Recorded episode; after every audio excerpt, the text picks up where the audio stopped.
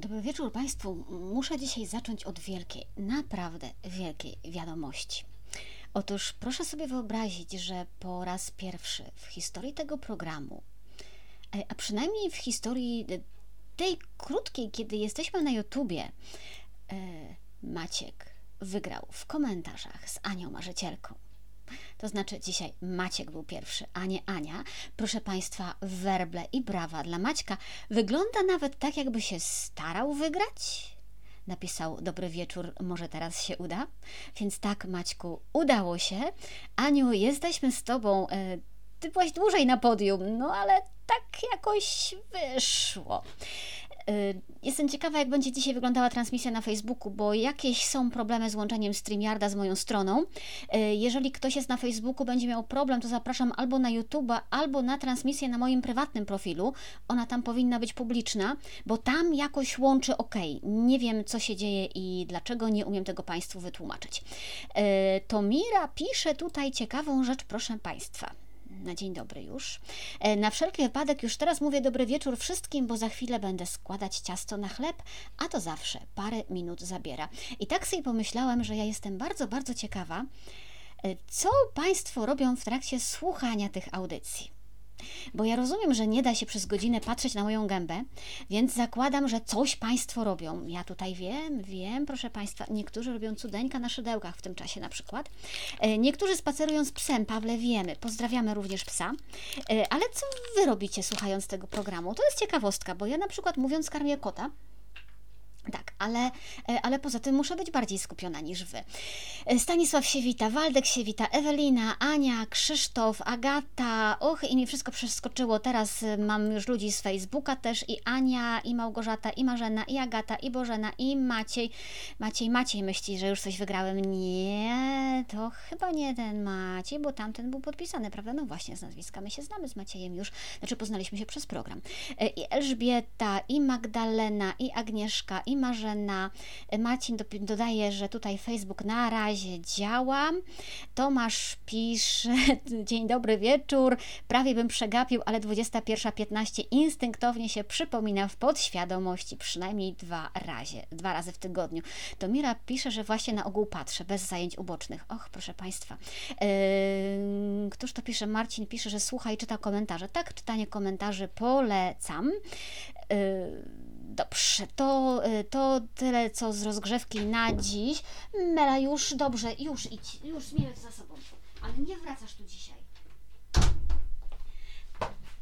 Melania się rozkręciła z aktywnością, rozumiecie, wiosna, na dwór wychodzi i jest po prostu szaleństwo. Na dwór, na pole? Nie, na dwór, na dwór.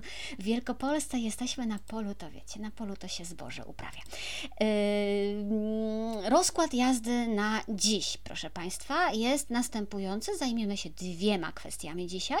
Pierwsza to jest ta, o którą prosiliście, to znaczy diakonat stały. Pogadamy sobie o tym, jak to wygląda, co, jak, dlaczego. Jeżeli macie jakieś, jakieś doświadczenia, to też będę mm, to też będę ciekawa. No a potem zajmiemy się tą abdykacją papieża Franciszka, tym czy będzie, tym czy nie będzie, na ile wiarygodne są te plotki, czy można im wierzyć i czy w ogóle powinniśmy się tym y, zajmować. Rafał pisze, że można się gapić. No cóż, y, Jadwiga pisze, że dzisiaj moczę się w wannie. Hmm. Proszę uważać, bo prąd, laptop, komputer i wanna to nie jest dobre zestawienie. Ania pisze, że zazwyczaj usypia dzieci drapiąc je po plecach. Pozdrów te swoje twoje kopie obydwie, bo one są po prostu takie potrzebne, że takie do ciebie podobne, że hej. Okej. Okay. Mm, to, jest, to są te dwie rzeczy i to jest program Reportaż z Wycinków Świata. Monika Białkowska. Zapraszam i startujemy. Y, Michał się jeszcze wita. Jakoś tak ostatnio puściej się tutaj dzieje. Nie wiem dlaczego. Za mało komentujecie, za mało lajkujecie. Po prostu katastrofa. Ja tu się wysilam i. I yy, prosiliście, żeby opowiedzieć o diakonach stałych w związku z tymi święceniami, które miały miejsce niedawno w Łodzi. Yy, I proszę Państwa, w Łodzi rzeczywiście stała się rzecz bez precedensu, jako że panów wyświęcono yy, aż 16. No i to pokazuje fajnie kierunek tamtejszego kościoła, tak? To pokazuje kierunek myślenia e, arcybiskupa, e, arcybiskupa Rysia. E, uważam, że bardzo ciekawy i fajny kierunek, ale też musimy wiedzieć, że to mm, wydarzenie łódzkie, no oczywiście przez ten swój powiedzmy, że rozmach, tak? E, no, ma dobry PR. Wszyscy mówili przynajmniej przez te dwa dni o, o diakonach stałych i to się rzeczywiście pojawiało gdzieś tam nawet na, e, na głównych stronach. Ale diakonat stały w, w kościele nie jest nowością i on nawet w Polsce, jak wiemy, nie pojawił się w tym roku. No i nie jest już niczym. Hmm, no nie, no nadal niestety jest czymś nadzwyczajnym, tak? Chciałam tutaj ubarwić rzeczywistość. No ale zaczynamy jak zwykle od y, historii. Diakoni no w kościele wiemy, że byli w zasadzie od samego początku kształtowania się tej struktury. Notysiki wyjęte? Okej, to notujemy. Święty Paweł, już jak pisał swój list do Filipian, a pisał go dosyć wcześnie, tam są dwie możliwe daty, końcówka lat 50. albo początek lat 60., to już czyli mamy jakieś 30 lat po śmierci, y, po śmierci Jezusa. Już Tomek pisze, że arcybiskup podkreślał, że panowie do dekonatu zgłosili się wcześniej, tak, ale arcybiskup tam no, wprowadził pewne takie zmiany w diecezji, które no, mocno sprzyjają, bo to zostało tam też otwarte to seminarium 30, to pokazuje trochę takie wychodzenie z tego kościelnego klerykalizmu. Tak to miałam na myśli, że, że tak to wygląda. Yy, Paweł Apostoł, list do Filipian, lata 50., 60., już pozdrawia w tym liście oczywiście nie tylko biskupów, których musi yy, pozdrawiać, ale też diakonów. No i o tych diakonach święty Paweł pisze wiele, wiele razy później, wszystkich ich nie będziemy tu wymieniać. No bo nie mamy na to czasu. Mm, ale piszą o diakonach też oczywiście pisarze starożytni, y, i święty Ignacy Antiocheński, i Polikarp ze Smyrny, i inni, i wszyscy oni podkreślają ważność posługi diakonów y, i tę ich gotowość oddawania życia za braci y, i taką ich powagę i wagę dla wspólnoty, tak? Oni nie są tam dodatkiem, jakimiś dodatkowymi sługami, ale kimś bardzo istotnym. To nie były ani popychadła, e, ani coś przejściowego, młodego, nic w tym rodzaju. Diakoni mieli ewidentnie swoje ważne miejsce. E, I to, co jest dla nas ważne, to rzeczywiście już ci starożytni pisarze o tym piszą o tym, jakie były obowiązki tych diakonów na początku. Pisali bardzo ładnie zresztą, że diakon to ucho biskupa, jego usta, serce i dusza. Bardzo mi się podoba to określenie. E, diakoni mieli być do dyspozycji biskupa, po to, żeby służyć ludowi, szczególnie w tych miejscach, gdzie byli e, starsi, e, chorzy, tam, gdzie biskup do nich nie mógł dotrzeć, ale głównie w te przestrzenie. Tak? Nazywano biskupów, cytuję, miłośnikami sierot, ludźmi pobożnymi, opiekunami wdów, gorliwcami w sprawach duchowych, miłośnikami dobra. To były te starożytne określenia diakonów. Oczywiście już wtedy diakoni zanosili Eucharystię do domów chorych i udzielali chrztu e, i mogli też głosić e, Słowo Boże. No i tak naprawdę na zachodzie ten diakonat dosyć wcześnie zanikł, ten stały diakonat e, i stał się takim momentem przejściowym tylko do święceń kapłańskich. Jak dojdziemy do diakonis, to jeszcze dojdziemy do tego, dlaczego tak się stało. Faktem jest, że kiedy nasz książę Mieszko przyjmował chrzest, to w kościele diakonów już nie było, przynajmniej w kościele zachodnim.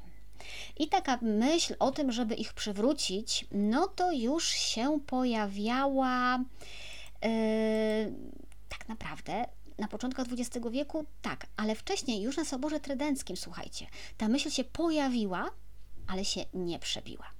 No i tak naprawdę Sobór Watykański II rzeczywiście w Konstytucji Lumen Gentium już zarządził, żeby ten diakonat jako taki właściwy, trwały stopień hierarchiczny, że on ma być w Kościele zachowany, tak? Czyli nie może być tak, że diakoni są tylko przez rok w drodze do święceń.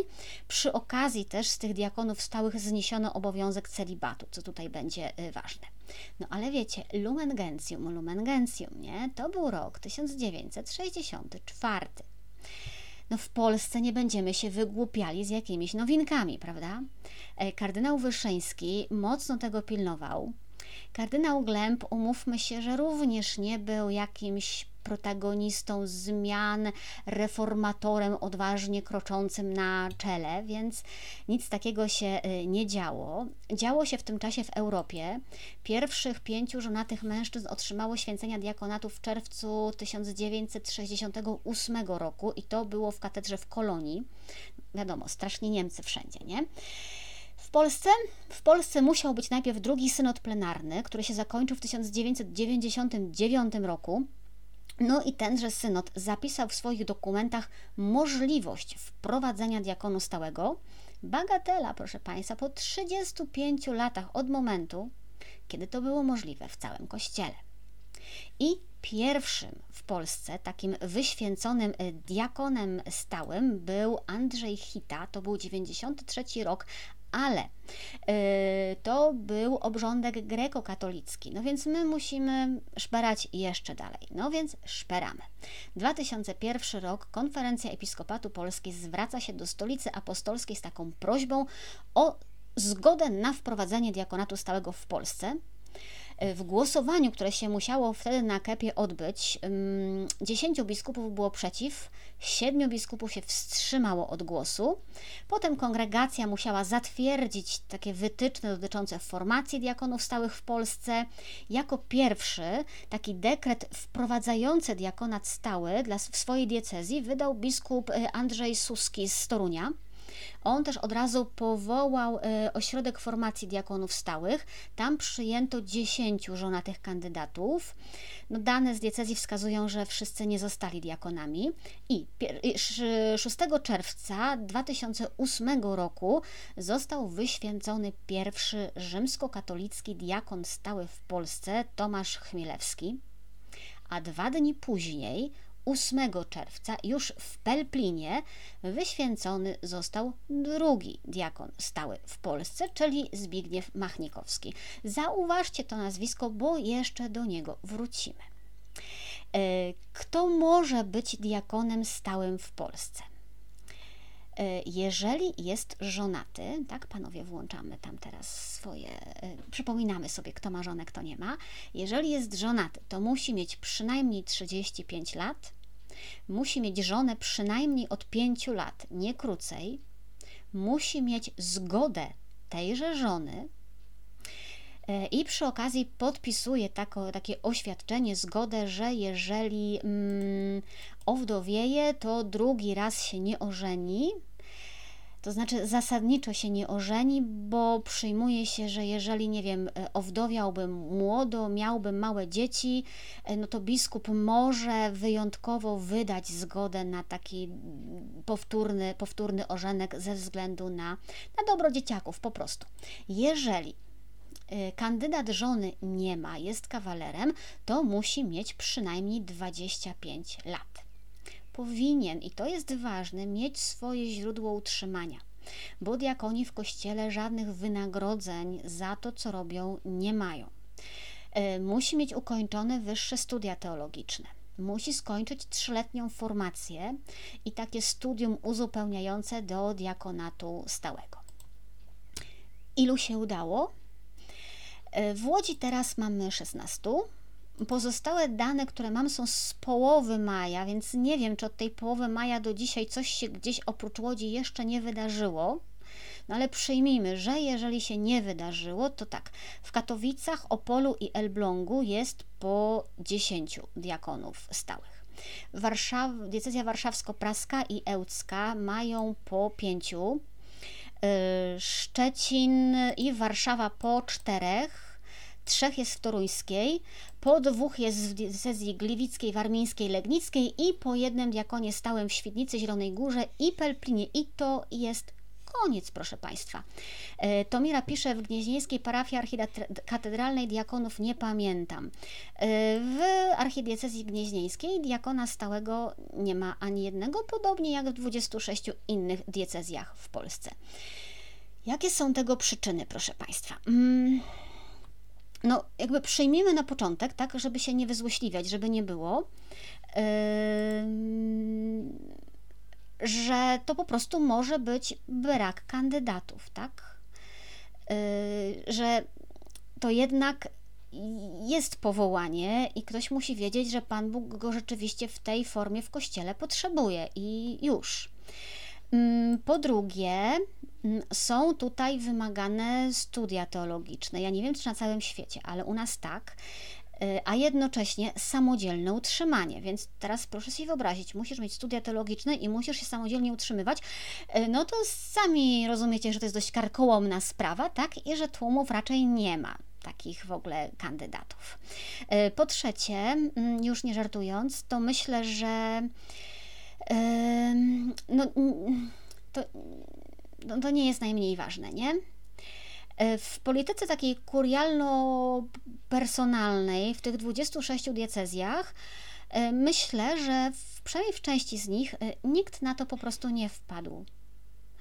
To znaczy, nikt nie wpadł na to, że zamiast sztukować księży, łączyć parafie, można się zwrócić do świeckich, można zacząć szukać diakonów, można powiedzieć ludziom, że jest w ogóle taka możliwość i poczekać, czy będą powołania i zaprosić wszystkich do tworzenia kościoła, tak po prostu.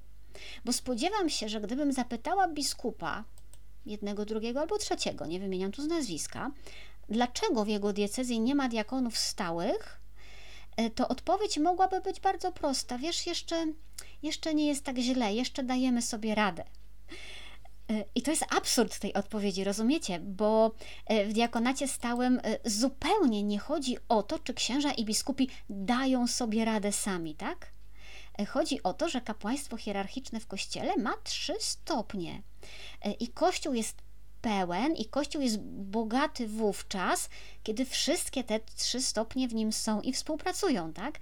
Jeżeli mówimy Wiesz, bo my jako księża i biskupi dajemy sobie radę, nie potrzebujemy na razie diakonów stałych, to to jest trochę taki y, klerykalny egoizm, tak? Takie zamknięcie się w swojej kaście bez myślenia o tym, jak piękny i dobry mógłby być Kościół, że mógłby być jeszcze bogatszy, gdybyśmy się po prostu podzielili, tak?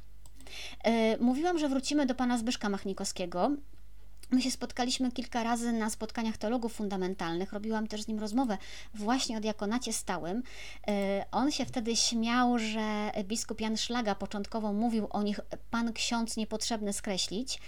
E, swoją drogą żadne instrukcje wprost tego pan czy ksiądz tego nie rozwiązywały w zasadzie, biskup Wiesław Śmigiel nazywał e, Zbyszka bratem diakonem, potem księża też zaczęli tak mówić. Mnie to się niespecjalnie podoba, do tego jeszcze, do tego jeszcze dojdziemy. E, no i pan Zbyszek mówił o tym, że o byciu diakonem myślał od bardzo dawna. Co ciekawe, zobaczcie, jak działa Pan Bóg i jak działa jego powołanie. On myślał o byciu diakonem od bardzo dawna, y, zanim w ogóle w Polsce pojawiła się taka możliwość. Tak? On się spotykał w latach 80. z diakonami z Anglii, z diakonami z Holandii y, i to wydawało mu się w ogóle marzeniem nie do spełnienia, totalną abstrakcją. Tak? I mówi, że w jego przypadku to nie było żadne olśnienie, żaden piorun z nieba, y, ale kiedy się nagle okazało, że bycie diakonem stało się możliwe, no to musiał tylko zrobić krok w tym kierunku, tak? W kierunku, w którym myślał od dawna, no i zgłosił się, rozpoczął formację. Teraz po święceniach e, ktoś tu pisze, że e, szafarze stali ogarniają tę robotę. No właśnie nie. E, po święceniach diakonatu można udzielać sakramentu chrztu, można udzielać komunii, można ją zanosić chorym, ale można też błogosławić małżeństwa. Można też prowadzić e, uroczystości pogrzebowe. Tutaj domyślam się, że e, akurat tymi, w tych zadaniach się mało który ksiądz będzie chciał posunąć i zrobić diakonom miejsce. Można też głosić homilię, można przewodniczyć nabożeństwom. Tam, gdzie nie ma księdza, diakon stały może w imieniu proboszcza, jakby prawnie kierować wspólnotą, e, wspólnotą wiernych. Ma też obowiązek odmawiania brewiarza, ma obowiązek odbywania rekolekcji. Mm, co jest w tym powołaniu najtrudniejsze? Bo o to pytałam i pan Zbyszek opowiadał mi, że mm, dla niego to jest taka konieczność bycia ciągle dyspozycyjnym. Y, bo ta konieczność bycia dyspozycyjnym dotyka nie tylko jego, tak, ale dotyka też jego żonę, y, dotyka też jego dzieci, całą jego rodzinę. Y, on mówił o tym ładnie, że żona i dzieci po prostu muszą się nim podzielić z całą wspólnotą, bo on najpierw idzie do pracy, żeby utrzymać rodzinę, a potem idzie do kościoła jako diakon i w domu go często nie ma i dlatego też żona no, musi się zgodzić na taką, e, na, na takie powołanie swojego męża. E, ja się zastanawiałam, wiecie, ile ile ludzie z tego rozumieją, mm, czy nie patrzą dziwnie na faceta, który udziela ślubu, głosi kazanie, a potem idzie ulicą z żoną i, i z dzieckiem. Trochę o tym pisaliście już w komentarzach na, na profilu, kiedy, kiedy to wrzuciłam, i okazuje się, że chyba ten kościół hierarchiczny, instytucjonalny, księża, biskupi bardziej się boją o to, że my nie zrozumiemy, niż rzeczywiście my nie rozumiemy. Mm, że to tak naprawdę to jakieś lęki, ograniczenia bardziej to blokują niż jakaś niewiedza, niewiedza ludzi. E, Zbyszek opowiadał, że owszem, ludzie są zainteresowani, ludzie owszem pytają, ludzie się owszem zdziwią na początku, ale jeżeli im to wytłumaczyć, to przyjmują to absolutnie spokojnie, a jeżeli to jeszcze proboszcz w parafii wytłumaczy, to już w ogóle nie ma z tym najmniejszego problemu. No i rzeczywiście taką ciekawostką trochę jest e, po pierwsze sposób e, zwracania się do diakonów i strój diakonów bo to wcale nie jest takie, takie jednoznaczne. Diakoni w kościele, mm, według tych ustaleń Kościoła Powszechnego, mają prawo do stroju kapłańskiego i mają prawo do tytułu ksiądz. Yy, jeżeli chodzi o strój, podkreślam, mają prawo, ale nie mają obowiązku go nosić, tak?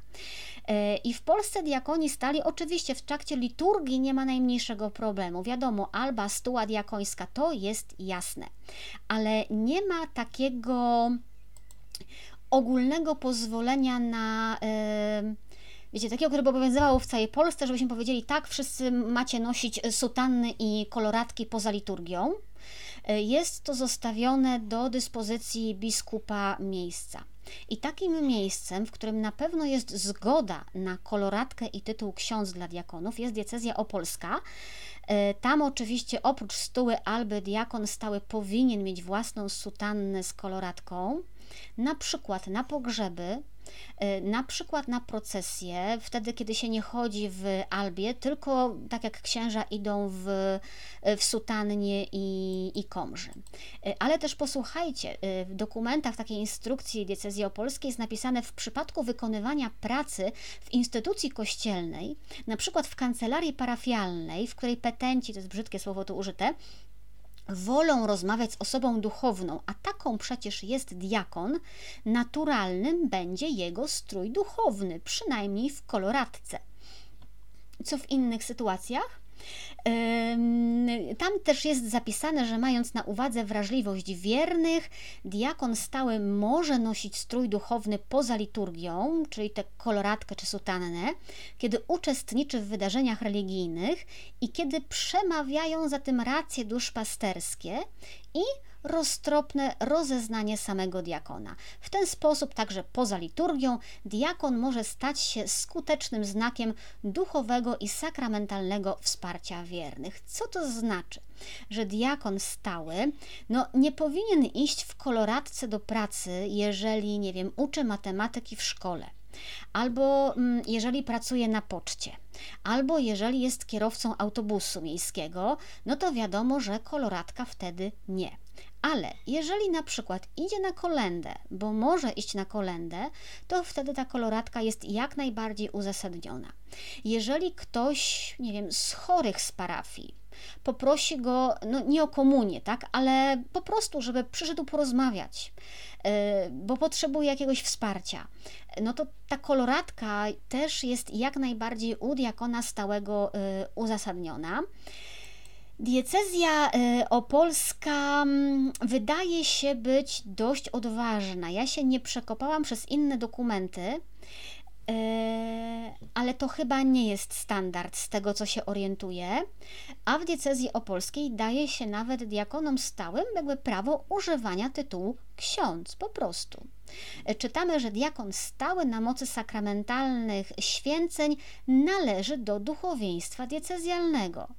Od wieków średnich istnieje w Polsce tradycja przypisywania duchownym, nawet niekatolickim, tytułu grzecznościowego ksiądz.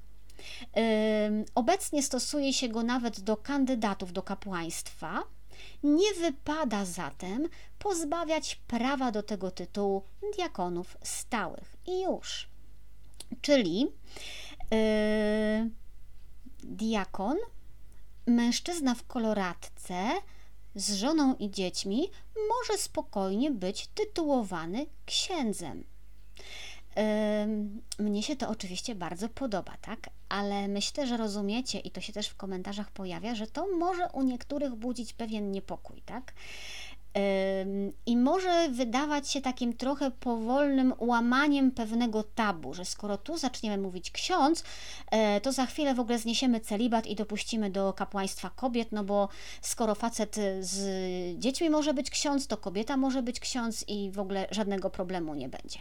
E, dla mnie ciekawe jest zresztą to, jak ujmuje to tutaj e, diecezja opolska.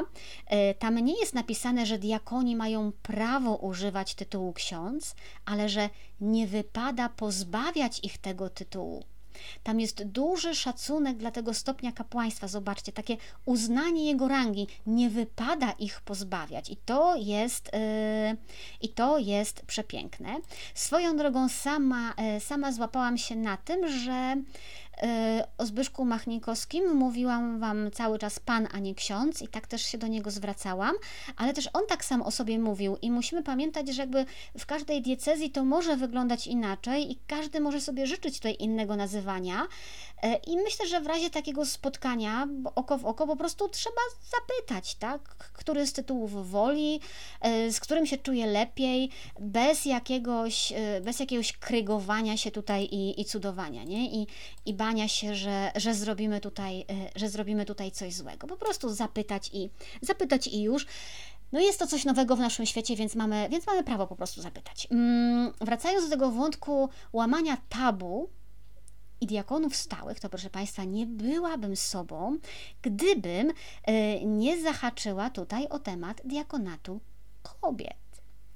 Y, nie zamierzam się tutaj mądrzeć specjalnie, y, specjalnie sama Marcin pisze, że z tego co wie, to u niektórych może być problem z u chorych, że jak widzą koloratkę, od razu zaczynają się spowiadać. E, tak, ale szafarzom też próbują się spowiadać. To, to tego nie przeskoczymy. Tylko pamiętajmy, że e, to jest kwestia paru lat. E, I starszymi i chorymi będziemy my, nasze pokolenie, i my już będziemy wiedzieli, że to nie jest takie jednoznaczne. Po prostu okresy przejściowe są zawsze, są zawsze bardzo trudne. E, o diakonacie stałym kobiet rozmawiałam kiedyś z księdzem Henrykiem Paprockim, słuchajcie. Mm, ufam, że to nazwisko znacie, to jest teolog, e, duchowny prawosławny, wykładowca akademicki, autor, e, autor tysiący, tysięcy artykułów, więc naprawdę postać wielka. Coś Wam potem pokażę na profilu, bo trafiłam na zdjęcie grobu e, teścia e, księdza Paprockiego, e, zdjęcie grobu Jerzego Klingera. Jeżeli je znajdziecie, to po prostu to łatwo znaleźć w Wikipedii. Przepiękny, przepiękny nagrobek. Ja nie wiem, czy to nie jest duże wariactwo za życia sobie stawiać taką kapliczkę na cmentarzu, bo ja bym to zrobiła i sobie ją pomalowała sama bo jak tego nie zrobię, to nie pochowają pod jakimś nutnym granitem, a to jest przepiękne, po prostu wpiszcie ksiądz Jerzy Klinger i zobaczcie grób. Mm, wracamy do księdza Paprockiego i do, e, i do diakonatu, i do diakonatu e, kobiet.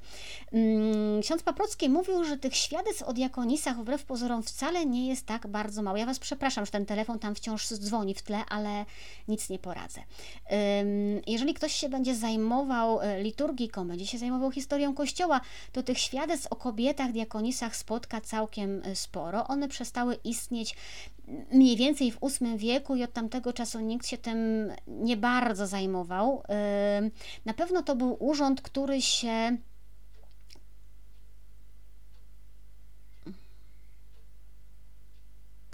Ania mnie teraz skasiła i nie bardzo rozumiem o co chodzi z tym pytaniem. Aniu, jakbyś jakoś bliżej, bo nie wiem co, jakie założenie, że świeccy robią to źle.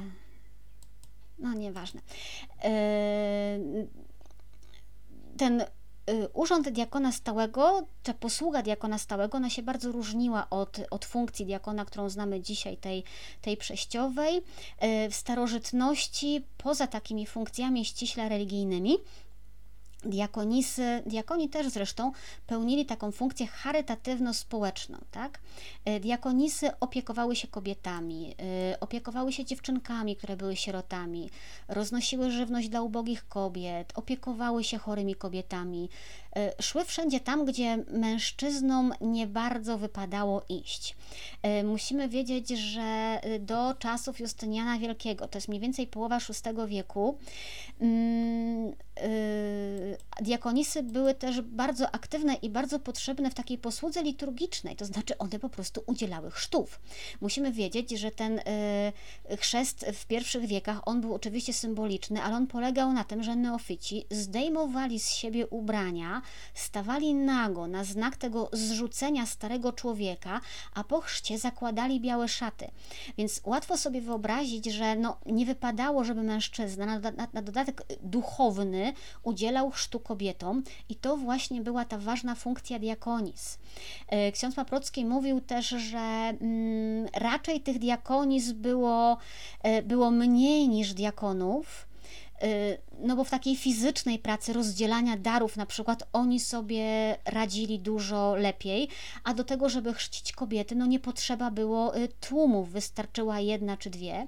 Potem, kiedy cesarz Justynian Wielki y, wydał edykt, który nakazywał ochrzcić wszystkich mieszkańców cesarstwa, żeby w ogóle skończyć z pogaństwem, no to chrzest zaczął dotyczyć niemowląt, więc ta funkcja diakonis liturgiczna chrzcielna w naturalny sposób się skończyła. Tak? Pozostała charytatywna, którą razem z diakonami pełniły. No i rzeczywiście rozdawały tam to różne e, zboże, które płynęły, e, płynęło z Egiptu. I znów do VII wieku, kiedy Egipt został podbity przez Arabów, już nie było czego tym ubogim rozdawać, więc ta funkcja charytatywna też, też zanikała i się ograniczała do liturgii. Oczywiście te diakonisy z dnia na dzień nie przestały istnieć, bo nie wymarły jednego dnia. Nadal się gdzieś tam opiekowały kobietami, ludźmi chorymi, sierotami, ale, ale powoli to się zaczęło przekształcać raczej w życie e, mnisze. Niektórzy próbują przekonywać, że diakonisy pełniły funkcje charytatywne, ale nie można mówić, że przyjmowały święcenia. E, ksiądz Henryk Paprocki, tu będą dyskusje na ten temat, ale on zdecydowanie te kwestie prostuje. E, twierdzi, że jeżeli ktoś próbuje przekonywać, że to nie były święcenia, to znaczy, że nie zna źródeł. Mówi, że w greckich manuskryptach zachowały się rytuały tych święceń że i diakonów, i diakonisy biskup święcił przed ołtarzem, że obrzęd dotyczył jednakowo mężczyzn i kobiet. Różnił się tylko tym, że kobiecie biskup nakładał na głowę welon, że miał szaty kobiece po prostu i to były e, jedyne różnice, tak? Była taka sama formuła modlitwy święceń z różnicą diakon i diakonisa, tak? No i po święceniach diakonisa normalnie zajmowała miejsce wśród diakonów, e, wygłaszała litanie, pełniła normalne funkcje, funkcje liturgiczne. E, jak to teraz wygląda z tymi diakonisami? Ano wygląda tak, że rzeczywiście w 2016 roku papież e, zresztą wyrwany trochę do odpowiedzi przez, e, podczas jednej z Unii Przełożonych Generalnych, kiedy one pytały właśnie o posługę diakonów. Papież powiedział, że, że zamierza taką komisję powołać. E, oczywiście Watykan zaraz zaprzeczał, że papież wcale nie wyraził gotowości ustanowienia diakonatu kobiet. Tam były apele, żeby traktować sprawę uczciwie, no ale papież powiedział, że powoła komisję i tego się nie dało już ukryć. Oczywiście pojawiły się głosy o tym, że to niezdrowa pokusa feminizmu. Oczywiście odwoływało się do ordynacji sacerdotalis Jana Pawła II, już o, tej, o tym dokumencie mówiłam. E, no i pojawiły się te obawy, o których mówiliśmy, to znaczy, że, że to będzie otwarcie, że otwarcie Kościoła na diakonat kobiet będzie prowadziło do dopuszczenia kobiet do święceń kapłańskich i biskupich. E, Franciszek, kiedy był zapytany o te kwestie kilka miesięcy później, powiedział, że w sprawie ordynacji kobiet w Kościele katolickim to ostatnie słowo Jan Paweł II powiedział i tego się trzymajmy, czyli nie ordynujemy kobiet na prezbiterów, ale komisję do zbadania tej sprawy jednak powołał. I ona zakończyła swoje prace raz, potem obradowała drugi raz. E, jej zadaniem nie było rozstrzygnięcie, e, czy kobiety można dopuścić do diakonatu, ale takie raczej zbadanie, na czym ta funkcja diakonis w tych pierwszych wiekach Kościoła polegała, tak, żebyśmy mieli pewność, jak to wyglądało i co my możemy zrobić. Kilka tygodni później e, Gianfranco Ravasi mówił, że uważa, że diakonat kobiet byłby możliwy. E, kardynał Shenborn również mówił, że być może pewnego dnia wyświęci się na stałych diakonów również kobiety, ale prawdę mówiąc, w tej chwili trwamy sobie w tej kwestii w zawieszeniu. E, ale przyznam się Wam, że tak jak kiedyś mówiłam, że z tych dwóch możliwych wywrotowych opcji kościelnych, to znaczy z jednej strony święcenia kobiet, a z drugiej strony zniesienia celibatu, to prędzej się doczekamy zniesienia celibatu, bo to jest teologicznie dużo łatwiejsze, e, bo to jest słabo de facto uzasadnione, co by nie mówić, że jest uzasadniane raczej post factum, a nie wyciągane ze źródeł to, no to teraz zaczynam mieć wątpliwości, bo w kwestii y, celibatu jest cisza. Wszystkim wygodniej jest żyć tak, jak jest, y, jeżeli znacie ten stary żart. A kapłaństwa kobiet może nie doczekamy, tak? Bo to nie o to chodzi, ale mam wrażenie, że na święcenia diakonatu stałego dla kobiet, to jeżeli ktoś będzie miał siły i i trochę pożyje, to kto wie, czy, y, czy tego, y, czy tego nie, nie doczeka. To tyle chyba o tym. Muszę Wam powiedzieć, że w czwartek będę miała dla Was fajny temat. Znaczy, on mnie zafascynował, nie wiem jak Was, e, ale pisałam do przewodnika katolickiego o takiej konferencji antypapierosowej w Watykanie. E, no i oczywiście weszłam w temat za głęboko, tam do gazety się to nie mogło zmieścić, ale znalazłam, słuchajcie, tyle ciekawostek o związku Kościoła z papierosami, że po prostu muszę się z Wami tym podzielić, bo pęknę i już się nie mogę czwartku doczekać. No ale to jest czwartek do czwartku dużo czasu. Dzisiaj tyle czasu na, na papierosy już nie zostało. E, chcieliście też posłuchać o teologii wyzwolenia i to też zostawiam nie na dziś, bo kaliber jest e, bardzo duży. Więc myślę, że zajmiemy się tym papieżem Franciszkiem, który coraz głośniej jest, proszę Państwa, o jego e, abdykacji.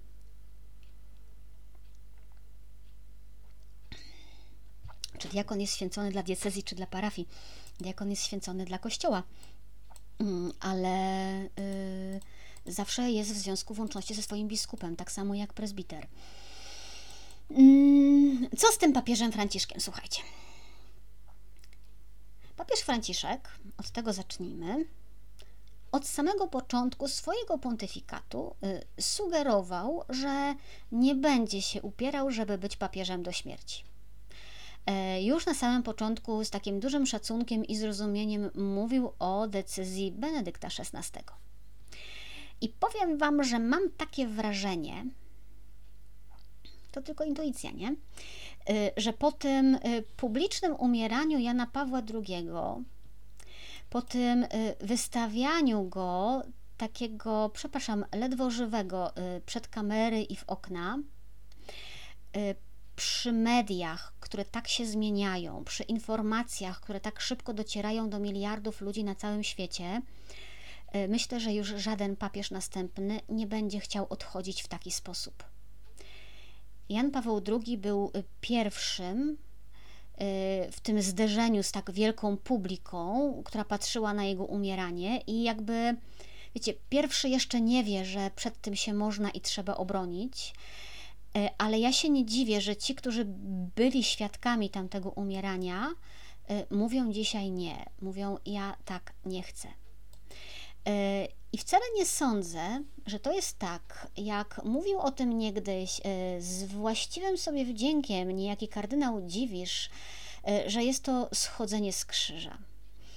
Mm, ja mam wrażenie, że jest to raczej odebranie gapiom tego, co do nich nie należy, tak? To jest zachowanie pewnej intymności choroby i umierania. E, to jest też troska i odpowiedzialność za Kościół, bo ja to widzę, tak? E, albo rzeczywiście nim kierujesz i wykonujesz powierzone sobie zadania, albo złóż to w ręce kogoś, kto będzie to robił, a nie puszczaj tego samopas y, sztuka dla sztuki. No, chyba, że uważamy, że papież jest marionetką, kukiełką albo tylko symbolem, tak? No wtedy okej, okay. to niezależnie od tego, jaki jest stan jego zdrowia, sobie może być tylko i wyłącznie symbolem. E, prawda jest taka, że żyjemy coraz dłużej. Prawda jest taka, że sprawność zachowujemy coraz dłużej, przynajmniej statystycznie, no ale to też nie znaczy, że mamy siły pracować do końca życia e, i że mamy możliwości pracować do końca życia. Mm, sami wiecie, jesteście z różnych parafii, jak to jest być w parafii, w której proboszcz ma 75 lat. Albo jeszcze przedłużkę dostał, nie? I ma 76 albo 77. E, I w takiej parafii, parafii prawdopodobnie, prawdopodobnie, bo nie wszędzie, od 6, 7, 8 lat wszystko się toczy, ale bardziej siłą rozpędu, mimo najlepszego nawet serca proboszcza. 76-letni człowiek będzie działał tak, jak potrafi, ale nie będzie zaczynał rzeczy nowych. E, I powiem Wam, że mnie się bardzo podoba pomysł jednej z diecezji, żeby proboszczowie przestawali być proboszczami w wieku 65 lat. I oni wcale nie odchodzą na emeryturę, oni potem idą dalej do pracy duszpasterskiej. Możemy ich nazywać różnie, tak? Możemy ich nazywać seniorami, możemy znaleźć jakieś inne określenie, ale oni nadal dostają dekret, przydział do innej parafii, nadal mają swoje obowiązki, ale nie zarządzają już taką dużą firmą, jaką jest parafia. Przestają być dyrektorami, tak? Pomijam tutaj już fakt, że taka perspektywa powrotu do szeregu może bardzo dobrze wpłynąć na relacje między księżmi, tak? Bo e, nie jeden proboszcz się siedem razy zastanowi, zanim uprzykrzy życie wikariuszowi, jeżeli będzie wiedział, że ten wikariusz za chwilę może być jego proboszczem. No. Nie o tym miało być, e, wracamy, e, wracamy do, do papieża. Tak, sądzę, że papież Franciszek prędzej czy później przejdzie na emeryturę. Mm, owszem, sądzę, że jesteśmy coraz bliżej tego dnia, e, a jesteśmy tak samo coraz bliżej, jak z każdą minutą jesteśmy coraz bliżej swojej śmierci, tak? I powiem Wam, że trochę mnie bawi, że z tego media robią taki wielki temat. Ja wiem, sama wrzuciłam to na, e, na, na, na zdjęcie główne jako tytuł, bo, bo wiem, że przyciągnie widzów, e, ale to przypomina bardziej zabawę we wróżkę, bo nigdy w głowie papieża nie siedzi, mm, a ten akurat papież no zaskakiwał nas niejednokrotnie. Ale dobra, powiedzmy sobie o tym, pozbierajmy argumenty, jakie tutaj padają i które mają przemawiać za tym, że to jest już i niedługo. Po pierwsze, papież mówił o możliwości abdykacji, no więc jest możliwe, że abdykuje. No, jest możliwe, ok. Po drugie, y, jako drugi argument wysuwa się tutaj stan zdrowia papieża y, Franciszka. Mm, to również jakoś specjalnie wątpliwościom nie ulega. Papież Franciszek ma 85 lat. E, trzyma się nieźle. Ja przypomnę, że Jan Paweł II umierał mając 85 lat. E, i od kilku lat był mm, bardzo mało sprawny.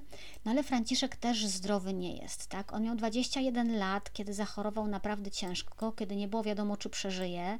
E, prosto z drugiego roku seminarium trafił e, do szpitala, z płuc mu wyciągnięto bodajże półtora litra wody, walczył wtedy o życie. Przeszedł operację, usunięto mu górny płat jednego, jednego z płuc. E, rok temu przeszedł operację jamy brzusznej, e, w jelitach tam coś się działo. Od wielu lat ma problemy z kręgosłupem, e, cierpi na intensywne bóle nerwu rwu, rwa kulszowego, nerwu kulszowego. Widzimy go jeżdżącego na wózku inwalidzkim. Wiadomo, że cierpi na ból kolana, ma zapalenie kalet, kaleta, kaletki przedrzepkowej, boże, ćwiczenia na dykcję, proszę Państwa. Ta choroba jest nazywana chorobą zakonnic, kolanem pokojówki albo kolanem górnika i ono się rzeczywiście bierze po prostu z klęczenia najczęściej, tak? Kiedy, kiedy mamy do czynienia z takim nadmiernym naciskiem na, na kaletkę, choroba jest przewlekła, choroba jest bardzo bolesna, to boli nie tylko w czasie klęczenia, ale w czasie siedzenia, w czasie poruszania się, cały czas. Papież powinien się poddać operacji, nie bardzo chce tej poważnej operacji, bo, bo boi się znieczulenia po tym, jak ciężko zniósł poprzednie znieczulenie. No w każdym razie jest to rzeczywiście stary i schorowany człowiek, który ma prawo uważać, że czas, żeby zastąpił go ktoś młodszy. Ja mogę tak wcale nie uważać, ale to on podejmuje decyzję i to on zna najlepiej swoje siły, tak? Więc stan zdrowia jest tutaj jakimś y, argumentem. Adrian pyta probostwo do 65, ale co dalej, żeby nie czuli się niepotrzebni? Normalnie dostaje dekret z obowiązkami wikariusza w danej parafii, obowiązkami seniora w danej parafii. On sobie nie musi sam radzić, on nadal jest posłany dekretem biskupa do pracy. Tyle, że nie jest głównym w tej parafii. E, trzeci argument, y, który się tutaj pojawia, to jest argument z tego mianowania nowych kardynałów. Pamiętacie, ja o tym nie mówiłam, bo jakby no nie znam tych kardynałów i nie było kiedy. Pojawiło się tutaj 21 nowych nazwisk. 16 e, z tych kardynałów będzie elektorami e, na, na, na kolejnym konklawę, bo o tym mówimy. Na liście są bliscy współpracownicy papieża Franciszka. No i według watykanistów po tych zmianach papież Franciszek ma, cytuję, coraz większy wpływ na wybór swojego następcy. No i przyznaję, że jestem tutaj mocno sceptyczna. Mm, bo po pierwsze, po każdym konsystorzu e, można by było powiedzieć to samo, że mianował że swoich współpracowników i że teraz będzie miał większy wpływ, tak? No z każdym konsystorzem ma większy wpływ. Jan Paweł II w zasadzie by powiedzieć miał nieograniczony wpływ, tak? Bo po prostu wszystkich, którzy tam byli prawie sam mianował, może przesadziłam, no ale był na tyle długo papieżem, że mógł. E, I mam takie wrażenie, że z całym szacunkiem dla watykanistów, ale to, czy papież Franciszek rzeczywiście w tej chwili kieruje tym konklawę przyszłym, to się okaże w trakcie konklawy i nie wcześniej. E, I okaże się, kiedy watykaniści będą obstawiać papabili, a jak usłyszą padające z balkonu nazwisko, to się mogę prawie założyć, że wbije ich w ziemię i znów będą pytać, kto to do choinki jest, nie? Bo jeżeli się komuś wydaje, że jest w stanie przewidzieć, jak na przyszłą konklawę zagłosuje kardynał y, z Mongolii, Singapuru albo Timoru Wschodniego, no to ja naprawdę bardzo, bardzo gratuluję, nie? Y, mam takie poczucie, że to nie chodzi o to, że papież szykuje sobie następcę, y, że papież niespecjalnie ma wpływ na to, co będzie po nim. Mm, jeżeli coś robi świadomie, to mam takie poczucie, że świadomie decentralizuje Kościół, tak? To znaczy robi wszystko, żeby Europa nie była w centrum, czyli żeby to nie był europejski Kościół, który łaskawie idzie do świata, tylko żeby to był Kościół świata, w którym każdy chrześcijanin, każdy katolik czuje się u siebie. I to jest dla mnie to mianowanie kardynałów ze świata. Ja tak to, ja tak to y, rozumiem. Więc ten argument z tego, że się uszykował tych, którzy będą myśleli tak jak on, to dla mnie, to on mnie nie przekonuje po prostu. E, czwarty argument za możliwą papieską abdykacją to jest termin konsystorza, bo w czasie wakacji, bo pod koniec sierpnia. Jak w czasie wakacji, to znaczy, że mu się spieszy. No ale proszę Państwa, to nadal jest za trzy miesiące, nie? To trzy miesiące to jest jedna czwarta roku. No to ile ma czekać z tym konsystorzem? Pół roku? Mm, no może coś w tym jest, nie? Ale żeby robić z daty konsystorza petardę, to jest trochę dla mnie za mało. Argument piąty, dosyć ważny i taki potężny, to jest argument z tego, że papież zakończył reformę kurii rzymskiej. Zakończył reformę kurii rzymskiej, to było dla niego bardzo ważne, to była jego misja, więc skoro ta misja jest skończona, to papież rzeczywiście może y, uznać, że swoje zrobił, czas odejść. Tylko, że wiecie, E, ja bym z tym mówieniem o zakończeniu reformy to jednak bardzo uważała, bo to zdecydowanie nie jest moment, e, kiedy można sprawę uznać za zamkniętą e, i odejść. Dokument o reformie, przypomnę, jest z 15 marca. Wszedł w życie wczoraj. I wczoraj jeszcze, cóż za niespodzianka, nie ma oficjalnych tłumaczeń tego dokumentu. Tekst jest po włosku, ale nie ma go na przykład po hiszpańsku, przynajmniej wczoraj nie było. Po polsku chyba też go nie ma, nie znalazłam, no ale polski nie jest tak znaczący, ale hiszpański tak. Yy, pewien kardynał z Hondurasu, kardynał Oscar Andres Rodriguez Maradiga, yy, który jest yy, koordynatorem Rady Kardynałów, która wspierała papieża Franciszka w przygotowaniu całej tej reformy, to co się dzieje wokół tej reformy nazywa strajkiem opuszczonych rąk strajkiem kurii rzymskiej. Strajkiem kurii, która się nijak nie angażuje w te wprowadzane reformy. Ona się nie angażuje nawet w przyjęcie tej reformy do wiadomości. I kardynał mówi: ci, którym ten dokument się nie podoba, nie odrzucają go, ale przyjmują go ze spokojem, odkładając ad, ad calendas grecas, czyli po naszemu do świętego nigdy, tak? E, to Rzymianie tak mówili, bo e, u Rzymian każdy miesiąc się zaczynał kalendami. Grecy kalend nie znali, więc czekanie na greckie kalendy, no to było takie czekaj tatka latka, nie? Czekaj, czekaj świętego e, nigdy. I między innymi z tego też powodu papież zwołuje ten sierpniowy konsystosz. On między innymi dlatego zwołuje wszystkich kardynałów, to grono swoje doradcze, tych swoich najbliższych współpracowników. I tam wokół tej kurii rzymskiej naprawdę się dużo dzieje, bo słuchajcie, wyobraźcie sobie kurię, nie? Istniejącą od wielu, wielu, wielu lat. Tam ci, którzy przygotowują tę reformę, mówią, trzeba szybko wymienić personel, bo bardzo trudno jest zmienić coś, nie wychodząc ze swojego miejsca. Co więcej, papież wie, że nie da się wcielić zmian tymi samymi ludźmi.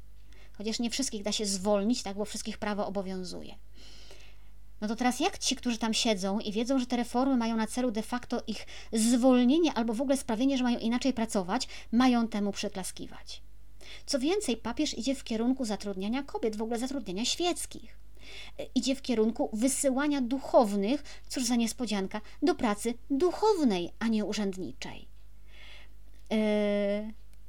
I rozumiecie, wokół takiego teraz, takiej sytuacji, ja nie wiem, jak można uznać, że praca nad reformą kurii rzymskiej została zakończona. Papież zrobił swoje, papież może odejść. Na moje oko, to tam się dopiero zaczyna prawdziwa jazda. E, no i oczywiście to, że tam się dopiero zacznie, to wcale nie wyklucza rezygnacji papieża Franciszka. Nikt nie powiedział, że on tam musi zostać do końca. E, ale nie używałabym tego jako argumentu za rezygnacją. Czekajcie, bo tu jeszcze było pytanie. Hmm, Edyta pisze, proboszcz jako wikariusz nie ma szans na pozytywny odbiór wśród księży. Wiecie, to się wydaje tak tym, którzy funkcjonują w porządku diecezjalnym, e, ale zapytajcie tych, którzy funkcjonują w parafiach zakonnych, po prostu. To w wielu miejscach nie jest żaden problem, to, to działa, to to, to proboszczowie wiedzą, że są tylko na chwilę, na dwa lata i że za chwilę jego podwładny będzie jego przełożonym. To, to nie jest żaden dramat, to jest jedna, jeden guziczek do przełączenia. Wcale nie jest to takie, ja, takie trudne, jak nam, się, e, jak nam się e, wydawało. Jeszcze jeden argument, który, mm, który się tutaj pojawia, to jest to, taki symboliczny bardziej, że papież Franciszek w połowie sierpnia ma odwiedzić Lakille.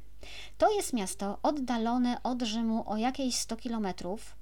No i w kwietniu 2009 e, roku było tam potężne trzęsienie ziemi, zginęło tam 309 osób i wtedy pojechał tam papież Benedykt XVI i wtedy przy okazji odwiedził grób Celestyna V, który abdykował w 1294 roku. No więc jeżeli Franciszek teraz tam jedzie, no to znaczy, że też chce abdykować. Uf. Damian podrzuca, że w jego zgromadzeniu tak jest, prawda? To nie jest żaden, żaden e, dramat. I teraz proszę Państwa, żebyśmy sobie wytłumaczyli, czy to, że papież Franciszek tam jedzie, to znaczy, że będzie abdykował, bo jedzie też na grób Celestyna V. W Akilii co roku odbywają się takie uroczystości, które są nazywane Perdonanza Celestiniana, czyli celestyńskim przebaczeniem. To są dwudniowe uroczystości odpustowe, ale nie byle jakie, bo one są wpisane na listę niematerialnego dziedzictwa kulturowego ludzkości UNESCO. I ta tradycja tych dni trwa tam nieprzerwanie od 1294 roku. E, I zaczęło się wszystko rzeczywiście od papieża Celestyna, który wydał tam bullę udzielającą odpustu zupełnego każdemu, kto się wyspowiada, będzie żałował i tego konkretnego odpustowego dnia e, przejdzie przez święte drzwi e, w bazylice. I dla nas to absolutnie nie brzmi nadzwyczajnie, nie? To no co, standard odpustowy. Ale ta bulla była wydana w czasie, kiedy na odpusty trzeba było zasługiwać. E, ewentualnie no po prostu słono za nie zapłacić, tak? A tutaj były za darmo. Wystarczyło się wyspowiadać i żałować. To po prostu było jak cud. No przy okazji to też był początek tego, co dzisiaj nazywamy, czy znamy jako rok jubileuszowy, tak? To się zaczynało tam od Celestyna. E, no i nic dziwnego, że zaraz po wydaniu takiej bulli e, na ten dzień odpustu do Lakili zaczęły zaczęli napływać pielgrzymi, tak? E, nic dziwnego, że kiedy zaczęli napływać pielgrzymi, no to wyrosły wokół targi, procesje, pokazy. To do dzisiaj tam trwa, tak? Są koncerty. Swojego czasu tam na tych koncertach występował, nie Goran Bregowicz, Ennio Morricone z takimi stałymi, y, stałymi elementami tych, tych wydarzeń jest między innymi procesja ognia. Ta procesja, droga ognia, ona się ciągnie przez 80 kilometrów, trwa kilka dni e, i ona odtwarza całą tę drogę Bulli do, do, do Lakilli. E, jest też procesja byka z bykiem, E, z pałacu do katedry idzie procesja mieszkańców prowadzona przez byka. E, ta procesja jest historyczną procesją, czyli idą tam postaci z XV wieku, delegacje miast, sztandary, po prostu wszystko. Nie może tam zabraknąć trzech postaci. Zawsze idzie dama della bolla, czyli dziewczyna, która niesie bullę na poduszce. Jest walizka, w której była ta historyczna bulla. Idzie chłopiec z gałązką oliwną, którą potem są otwierane drzwi święte, te drzwi odpustowe no i idzie pani od krzyża, czyli dziewczyna, która przynosi dar podziękowania dla tego, kto te drzwi otworzy. No i o zachodzie słońca 28 sierpnia, nieprzerwanie od 1294 roku, Przekazywany jest dokument bulli burmistrzowi, burmistrz tę bullę odpustową nadal odczytuje, a potem zaproszony kardynał trzy razy puka w te drzwi oliwną gałązką, otwiera je, one są otwarte przez e, całą noc. I kardynałowie są wyznaczani na te uroczystości zawsze przez papieża. E, I tam był i Angelo Sodano, i Giovanni Battista Re, i Bertone, i Walter Kasper. No i teraz będzie sam papież Franciszek. Oczywiście papież spotyka się też z poszkodowanymi w tym trzęsieniu ziemi, które tam było w 2009 roku, a miejscowy arcybiskup mówi, że ta wizyta to jest naprawdę e, od dawna oczekiwane spełnienie, pragnienie tych miejscowych e, mieszkańców. Czy to jest zapowiedź abdykacji? Ja bym się nie ośmieliła tego w ten sposób głosić. E, swoją drogą Jan Paweł II w Lakilli też był i to na początku swojego pontyfikatu w sierpniu 2000, e, tfu, e, w sierpniu 1980 roku.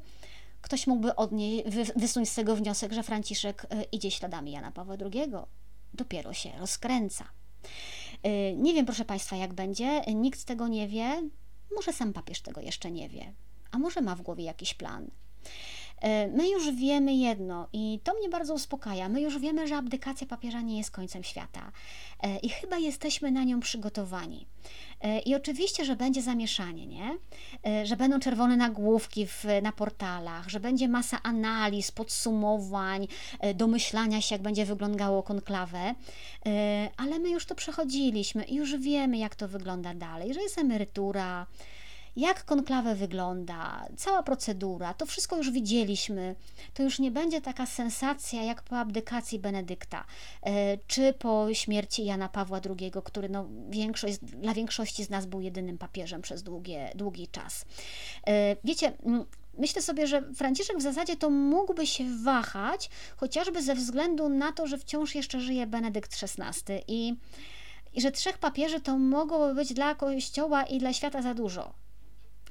Y, chociaż z drugiej strony, jeżeli mówi Wam to kobieta z diecezji trzech prymasów, y, to ja nie wiem, czy to ma jeszcze jakieś znaczenie i czy ten argument jest ważny. A tak serio, to wiecie, zastanawiam się, czy, czy jakimś rozwiązaniem nie byłoby wprowadzenie wieku emerytalnego dla papieża. Może niekoniecznie tych 75 lat, nie? Ale może 85. Może bez przymusu odejścia, tylko żeby było takim postawieniem dla niego daty granicznej, nie takim alarmem.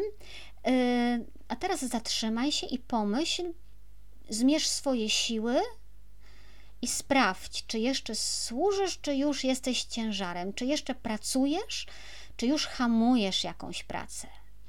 Bo absolutnie tu nie chodzi o to i nie może o to chodzić, żeby kogoś wyrzucać z papiestwa, nie? żeby udowadniać, że jest stary, że się do niczego nie nadaje, bo no bo ja wiem i się ostatnio przekonałam, że mnóstwo ludzi starszych to ma więcej zapału i energii niż młodzi, na pewno więcej niż ci młodzi, których ja znam.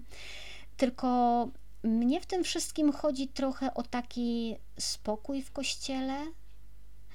Wiecie, żeby nie wypuchały co chwilę jakieś plotki, yy, spekulacje, wyczytywanie podtekstów z każdego gestu, bo to jest takie męczące, wkurzające. Po prostu mam wrażenie, że w kościele naprawdę można się skupić dzisiaj na wielu ważniejszych sprawach y, niż wpatrywanie się w kolano papieża i dumanie, czy abdykuje, czy nie. I tak trochę y, niekonsekwentnie zajęłam Wam wieczór tym dumaniem. Y, bo wiecie, bo tak po, po dziennikarsku po dziennikarsku to ja na tę abdykację czekam, nie? Dziennikarze to jest wredny naród i dziennikarze lubią, jak coś się dzieje, bo wtedy nam się włącza taki dodatkowy nerw. Yy, ale po kościelnemu, po kościelnemu to naprawdę niech on będzie papieżem jak najdłużej, bo no bo mi jest dobrze w tym kościele, który on nam pokazuje i którego on nas uczy i, i naprawdę się w tym kościele odnajduje, tak? To jest moje miejsce. Nie wiem, co u Was wygrywa, słuchajcie. Czy wygrywa Wam, yy, Was myśl, chcę mieć takiego papieża jak najdłużej, yy, czy wygrywa w Was myśl, kocham go i niech już odpocznie. Dajcie znać, możemy pogadać, ja się postaram jeszcze wrócić do komentarzy.